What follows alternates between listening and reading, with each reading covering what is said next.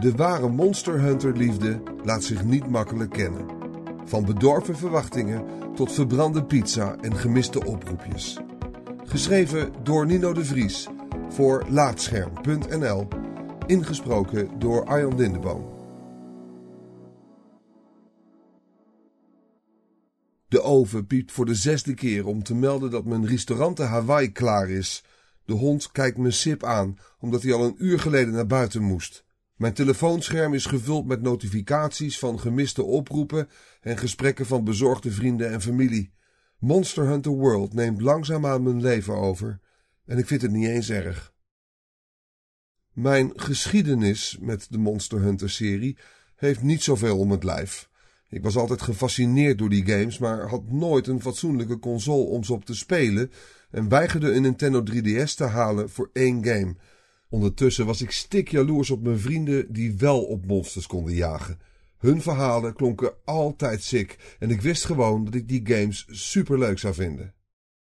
Omdat ik nooit eerder een Monster Hunter heb gespeeld en eigenlijk nauwelijks beelden van de games heb gezien, had ik onredelijk hoge verwachtingen in mijn hoofd. In mijn verbeelding waren Monster Hunter games een soort multiplayer Dark Souls met gigantische eindbazen en perfecte combat. Een zelfbedachte combinatie die garant stond voor teleurstelling. Zo bleek afgelopen december toen de eerste publieke Monster Hunter World Beta verscheen. De kans dat mijn torenhoge verwachtingen werden waargemaakt was hierdoor sowieso niet heel, maar deze beta maakte het wel heel erg bond. De uitleg was minimaal, de combat veel te makkelijk en de graphics lelijk. Gedesillusioneerd probeerde ik het nog een paar keer, maar mijn enthousiasme voor de franchise kelderde zo'n beetje net zo hard als de koers van Bitcoin. Ik kon wel janken. Dit zou mijn favoriete game ooit worden.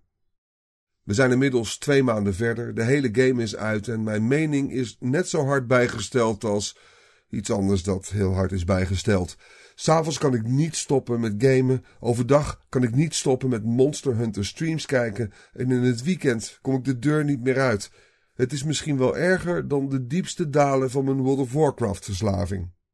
Monster Hunter World is een soort van perfecte dosis videogame crack voor mij. De combat is, in tegenstelling tot de beta, uitdagend en doet me denken aan die van Dark Souls. Het uitgebreide grinden voor zeldzame gear veroorzaakt flashbacks naar mijn MMO-dagen en de online co-op met vier man geeft me hetzelfde warme gevoel als de raids in Destiny. Als er geen vrienden online zijn, speel ik Monster Hunter World net zo lief in mijn eentje. Het is de perfecte game om te spelen onder het genot van een podcastje. Zoals mijn lieftallige laadschermcollega Marcel het zo mooi omschreef, ik ging van onuitstaanbaar negatief naar onuitstaanbaar positief over Monster Hunter World. Tijdens de beta was ik zo ontiegelijk teleurgesteld dat ik mijn monsterhuntende vrienden voor gek verklaarde en de graphics vergeleek met die van een PlayStation 2 game. Inmiddels is het kwartje gevallen en kan ik niet meer ophouden over Monster Hunter. Iedereen moet het spelen en als je dat niet wil, zijn we geen vrienden meer. Op wonderbaarlijke manier vind ik de graphics opeens ook niet meer lelijk. Ik weet niet of dat een roze bril is, ik de instellingen van mijn tv zo heb aangepast dat het nu mooier is, of dat de beta gewoon echt lelijker was, maar Monster Hunter World is wat mij betreft een genot voor het oog. Afgelopen weekend heb ik meer dan 20 uur op monsters lopen jagen. Zondagavond rond een uur of elf was ik uiteindelijk zat en had ik even een dagje pauze nodig. Enerzijds vond ik het jammer dat mijn affaire met de games een hoogtepunt had bereikt en dat de weg naar beneden was ingezet. Anderzijds voelde het ook ronduit bevrijdend om de game even vrijwillig weg te kunnen leggen. Waar het schip gaat stranden is me nog niet duidelijk, maar ik gok dat ik nog wel een uurtje of veertig voor de boeg heb. Ik raad je Monster Hunter van harte aan. Het is de leukste verslaving die je maar kan wensen. En vrienden, jullie hoeven geen bezorgde berichtjes meer te sturen. Je weet waar ik ben.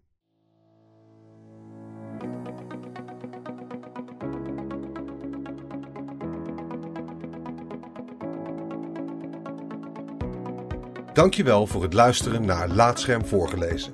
Als je waardeert wat we hier doen, dan zouden we het leuk vinden als je even een sterrenrating en een recensie achterlaat op Apple Podcasts of de podcastservice van jouw keuze. Abonneer je ook op onze andere podcast, Praatscherm.